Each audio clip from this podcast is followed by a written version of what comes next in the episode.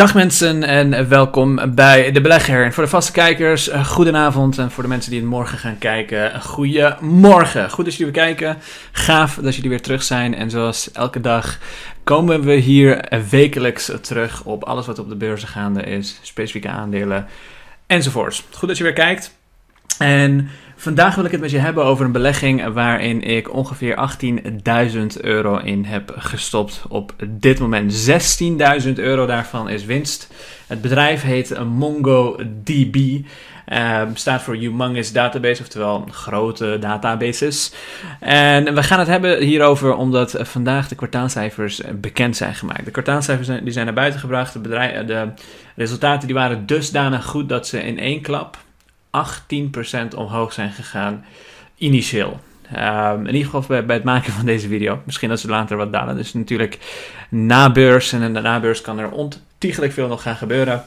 Maar de eerste reactie was goed. De eerste reactie van beleggers was: wij willen graag dit aandeel hebben. Dus we gaan die kwartaalcijfers analyseren. Ik zal je meer vertellen over wat dit bedrijf inhoudt. En uh, uh, je een idee geven bij wat ongeveer de verwachtingen ook waren als het op die cijfers aankomt.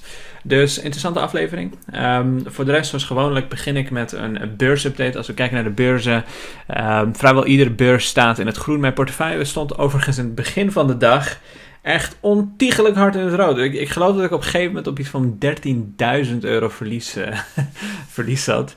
Uh, dus ik zie het alleen maar als pure winst als we gewoon 14.500 euro omhoog zijn geschoten daarna. um, uiteindelijk toch nog met een plusje uh, geëindigd. En we sluiten de dag dus af met 0,46% in de winst. En dat zie je eigenlijk over de verschillende beurzen terug. De AX zag je naar beneden kelderen. En daarna weer omhoog. Hetzelfde met de Nasdaq, die was zo ontiegelijk volatiel. Dat is niet, uh, niet te geloven. De, S&P 500 precies hetzelfde. Um, eigenlijk alle beurzen waren vandaag weer volatiel. De FIX-index keihard omhoog. En wat je denk ik steeds meer aan het zien bent. Kijk, initieel was het natuurlijk die uh, angstpaniek van Omicron en inflatie en hoge, hoge rentes enzovoort. Maar zoals je weet dat initiële reactie betekent helemaal niks. Wat er daarna gebeurt, dat is pas interessant. Want beleggers die beginnen, vooral institutionele beleggers, hè, want die beheren al het geld uh, in principe op de beurzen. Die gaan berekeningen maken, die gaan kijken naar de markt, die gaan kijken wat er aan de hand is. En op basis daarvan zie je rotaties, shifts in verschillende type bedrijven, aandelen, dat soort zaken. En wat je nu steeds meer aan het zien bent, en dat zie je ook uh, overigens als je op Discord uh, mensen die een port delen. Wat je nu aan het zien bent, is eigenlijk wat we vooral heel veel zien tussen kwartaalcijfers door. Dus van ene kwartaalcijfer naar de andere kwartaalcijfer zie je over het algemeen um, dat er een shift staat naar dividendaandelen of een shift naar waardeaandelen. Vandaag zie je dat ook in de AX bijvoorbeeld. Als je kijkt naar Unibail Rodamco, 6% in de plus. Heineken 3,5% in de plus. Shell 2%. Philips 2%. ArcelorMittal um, 2%. Randstad 2%. Terwijl de groeiers, de semiconductors en bedrijven zoals Just Eat Takeaway en dat soort zaken, die dalen ontiegelijk hard. 5% harder, um, uh, 5% daling voor BC, Just Eat Takeaway. Die krijgt sowieso een klap ook omdat, um, net als bijvoorbeeld Deliveroo en vrijwel elk maaltijdbezorger um, in de EU last van wet en regelgeving. Altijd een heel naar woord als je aan het beleggen bent. Zodra je het hebt over regulering en zo, dan uh, komt er gewoon ontzettend veel angst uh, bij kijken. Maar Just Eat die krijgt een klap omdat Um, uh, uh, heel veel bezorgers en dergelijke moeten nu, vanaf nu, uh, worden ze niet meer als ZP'ers, maar als, um, als medewerkers gezien. Dat brengt wat hogere kosten met zich mee. Ook wat moeilijker om mensen te ontslaan. Dan kan je ook minder snel op en omhoog en omlaag schalen. Bijvoorbeeld als zoiets als COVID gebeurt, wanneer je opeens heel veel personeel moet gaan aannemen, kan je ze daarna ook veel moeilijker ontslaan. In ieder geval, als je ze ontslaat, kost het ontiegelijk veel. Um, ja, maar voor de maatschappij is het natuurlijk niet netjes, maar voor beleggers, ja, we kijken toch naar geld. En dan krijg je een reactie zoals deze, waarbij Just Eat Takeaway 5% daalt. Hetzelfde met Delivery Hero, Deliveroo, al die verschillende partijen, die dalen gewoon ontiegelijk hard. Um, niet gek, ook niet gek, omdat in de VS natuurlijk een tijdje geleden een maximum is opgelegd voor de, het aantal, uh, voor, ja, voor het geld dat die bedrijven eigenlijk kunnen verdienen. In New York heb je bijvoorbeeld een maximum voor de commissie die ze mogen vragen bij, bij een bestelling. Um, dus Overal uh, zie je een gezonde shift, gezonde rotatie richting uh, waardeaandelen. Groei blijft wat achter. En ik denk dat dat over de loop van tijd heen gaat veranderen. Want ergens in uh, eind januari krijg je natuurlijk weer de nieuwe kwartaalcijfers. En bedrijven gaan weer op de weegschaal staan. Bedrijven gaan weer laten zien hoe ze met de nieuwe omstandigheden zijn omgegaan. Met al die supply chain issues, met Omicron, met alles wat de, wat de beurs eigenlijk tegen ze aangooit op macro-economisch niveau. Uh, en hoe ze dan, dan met dat soort bedrijven of met, dat soort momenten omgaan. Welke bedrijven gaan het overleven? En als die tijd er weer aankomt, dan verwacht ik wel weer een rally die richting op. Maar goed, laten we het zien. Dat zijn natuurlijk puur mijn verwachtingen. 9 van de 10 keer komen ze ook niet waar. Maar we gaan het dus hebben de rest van deze um, van dit aflevering over MongoDB. Laten we eerst kijken naar de cijfers. En eh, met de cijfers bedoel ik natuurlijk eerst de koersverwachting. Dus de koers is um, inmiddels op 15% enorm omhoog geschoten naar de cijfers. Het was wel natuurlijk al een tijdje gedaald. Hè? Het was van ongeveer bijna 600 naar uh, pakweg uh, 25% uh, gezakt. Als we nog iets verder kijken, van het allerhoogste punt ongeveer 26% gezakt. En het is een bedrijf die gewoon ja, ook hard is gestegen de afgelopen tijd. 130% hier. En als we naar de afgelopen vijf jaar kijken, ja, dat, dan, ja, het, belachelijk hard gestegen. Duizenden procenten gestegen. En het is een bedrijf die ik natuurlijk ook gewoon ontzettend lang al volg. Ik ken ze goed. Ik heb er zelfs überhaupt ooit uh, een keer gesolliciteerd en gesproken. Uiteindelijk besloten om het niet te doen. Ik bleef toch bij uh, LinkedIn uh, werken. Um, maar het is een bedrijf die ik goed ken. Het is ook een bedrijf die we een tijdje geleden gebruikt hebben voor het bouwen van een applicatie, een mobiele applicatie. Uh, en de naam doet het een eer aan. Wat, wat ze eigenlijk doen, zometeen zal de CEO het ook even aan je uitleggen. Uh, maar wat ze eigenlijk doen is zorgen dat bedrijven die met ontzettend veel data zitten, dat die dat op een hele uh, moderne, gemakkelijke manier kunnen managen. Heel simpel gezegd. Um, een van hun producten die ze ongeveer twee jaar geleden hadden gelanceerd heet Atlas. En die blijkt een van de beste producten zijn, te zijn geweest die ze tot nu toe hebben gelanceerd. En die blijft nog steeds hard groeien. Als je kijkt naar de cijfers, MongoDB delivered another fantastic quarter. Highlighted by the 84% Atlas revenue growth, jongens. 84%. En het aantal klanten gaat naar 31.000 klanten. 84%, dat is echt gigantische groei. Gigantische groei. Um, misschien goed als we eerst even kijken naar wat voor type klanten MongoDB nou daadwerkelijk heeft. All types of customers. We now have 29,000 customers. We have some of the largest brands in the world. Uh, people like Toyota, AT&T, Morgan Stanley, Verizon, etc. As well as cutting edge startups and new breed companies like UiPath and Data Robot who are building their business on top of MongoDB. And that's what you're seeing in our results. It was the best quarter we've had to date. En je dit is overigens van het uh, vorige kwartaal uh, bij uh, MongoDB. En eigenlijk alle grote enterprise bedrijven, dus van de allergrootste bedrijven ter wereld, zoals een AT&T, Verizon, noem het maar op, die gebruiken MongoDB's databases om te zorgen dat ze meer van een traditionele manier van databases richting een moderne manier van databases gaan. Ik zal je de technische details besparen. Je kan het op googlen. Er staat heel veel informatie over wat precies het verschil is. Maar het grootste verschil van ehm, moderne databases is dat ze niet op basis van SQL of SQL, ehm, uh, maar op basis van NoSQL opereren. En dus op basis van documenten in plaats van hele rigide vorm van if this, then that, bijvoorbeeld. Om je even een voorbeeld te geven. Ik weet niet of het iedereen wat zegt, maar even heel simpel uitgelegd. Um, het zorgt ervoor dat bedrijven op basis van NoSQL of NoSQL, uh, SQL Um, op basis van documenten hun database kunnen managen. En waar dit ook interessant voor wordt, dit is nog niet algemeen bekend, dit denk ik persoonlijk, dus even puur speculatie, is uh, hoe de metaverse straks gedocumenteerd gaat worden. Hoe gaat de metaverse straks uh, hun database managen? Gaat dat via een SQL-methode zijn of NoSQL-methode? Um, ik denk namelijk persoonlijk dat het waarschijnlijk die tweede gaat zijn. En dat MongoDB ook van die hele metaverse gebeuren ontiegelijk hard gaat profiteren. Voordat we trouwens de cijfers induiken, misschien handig om eerst even stil te staan bij het feit dat dit natuurlijk een ontzettend snel groeiende bedrijf is. Uh, het is heel duur. Vandaar ook dat ik uh, regelmatig winst heb genomen. Vandaar ook dat 16 van de 18.000 euro die ik hierin heb gezeten pure winst is. Omdat het uh, redelijk wat risico met zich meebrengt. Het is ontzettend volatiel en de waardering is torenhoog. En ze maken ook redelijk wat verlies. Dat verlies maken ze omdat ze op dit moment gewoon bizar hard aan het groeien zijn en alle geld eigenlijk stoppen in het aannemen van nieuwe salesmensen die enterprise klanten en uh, kleinere klanten ook kunnen helpen met onboarden en binnenhalen. Uh, het zorgen dat ze customer success managers binnenhalen die die klanten ook daadwerkelijk kunnen helpen. En investeren in marketing en natuurlijk research en development. Om producten zoals Atlas te creëren die binnen twee jaar tijd 84% per jaar aan het groeien zijn.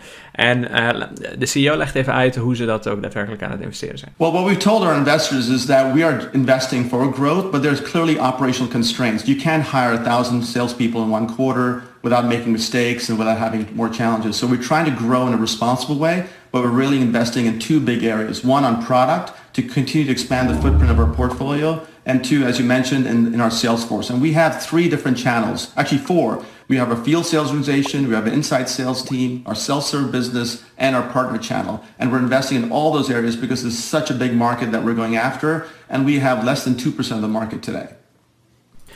Ze hebben dus ongeveer 2% van de markt in handen.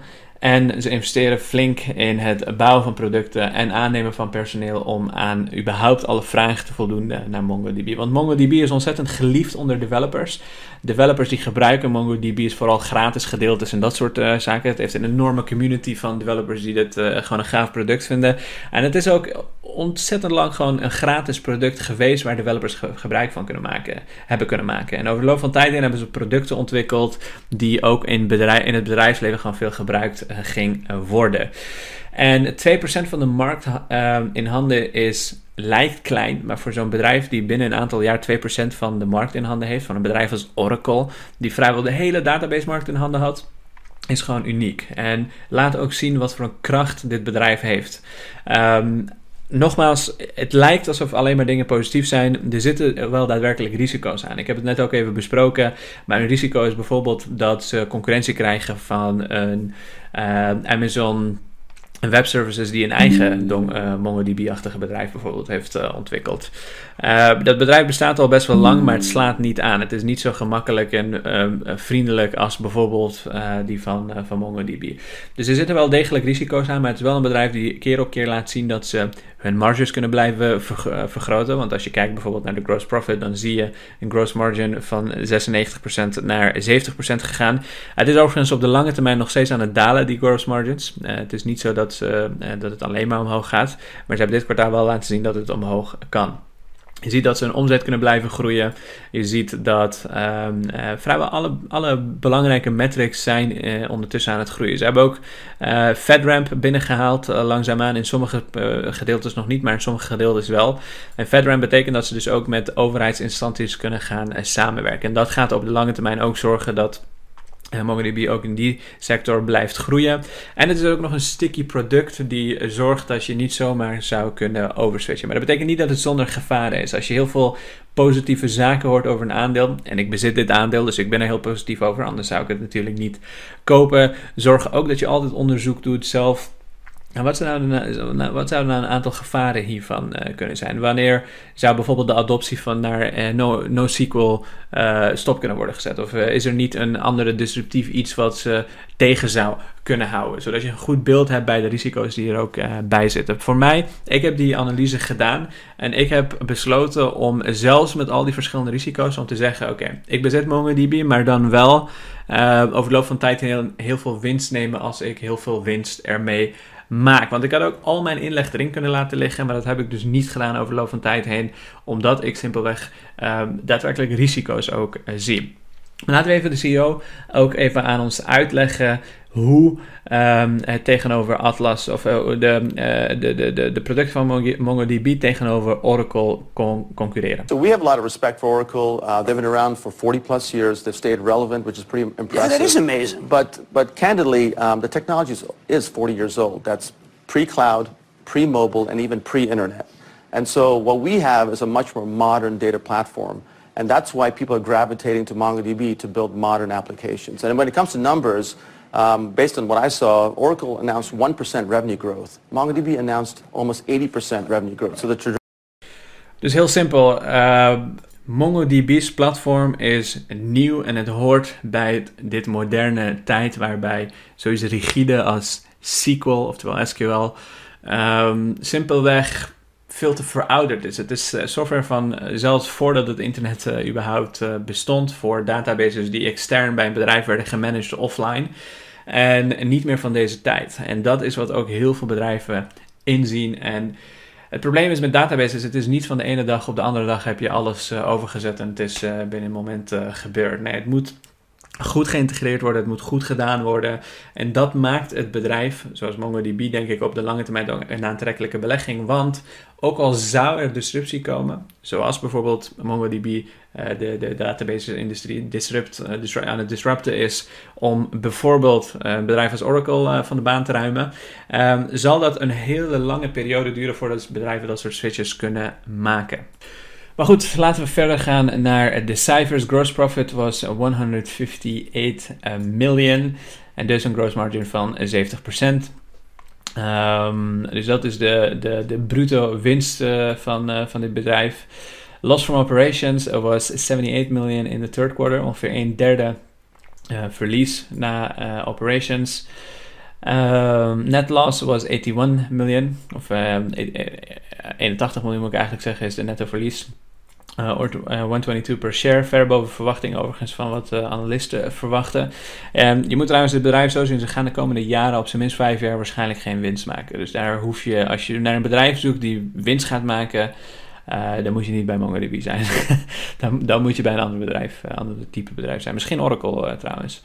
Um, Oracle is wel een bedrijf die uh, hun uh, omzet met 1% groeit, terwijl MongoDB natuurlijk met uh, nou, 80% als het op Atlas bijvoorbeeld aankomt, zit een 50% als we algemeen kijken. Um, cashflow. MongoDB had 1.8 billion in cash, cash equivalents. Um, MongoDB heeft genoeg cash om zelfs met alle kosten die ze maken, zonder dat er een euro nog verder binnenkomt, om op zijn minst de komende anderhalf jaar zich te kunnen overleven.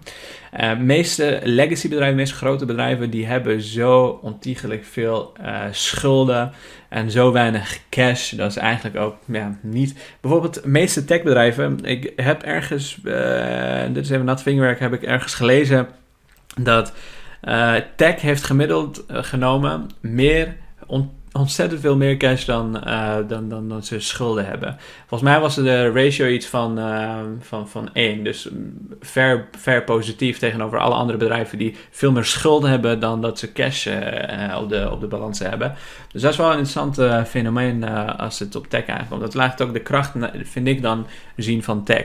En een database zoals MongoDB dat heeft gebouwd, moet ook beveiligd worden. En dat is ook wat MongoDB doet. Die zorgt voor eerste klas beveiliging voor dit soort uh, uh, databases. En het is een product natuurlijk die, um, die gewoon nodig is. Als je dit als bedrijf eenmaal hebt ingedaan of ingebouwd en er komt sowieso een COVID-crash, dan ga je niet van de ene dag op de andere dag zeggen: we hebben die database niet meer nodig. Weet je wel? Um, dus al met al maakt het voor mij persoonlijk een goede belegging. En de reden dat ik het vandaag met jullie deel is omdat natuurlijk die kwartaalcijfers zijn gerapporteerd. Als je analyses wil maken hierover, laat het me weten. Laat het in de Discord achter.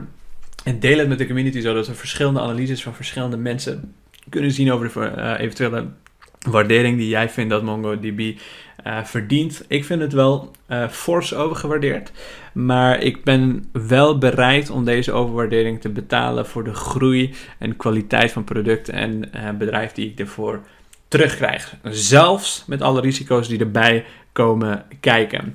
Uh, dank voor het kijken vandaag. Ik hoop dat je er wat aan had. Uh, deze update is vooral bedoeld voor mensen die uh, net kennis willen maken met MongoDB en mensen die bij de community zitten en die een update wilden van de kwartaalcijfers.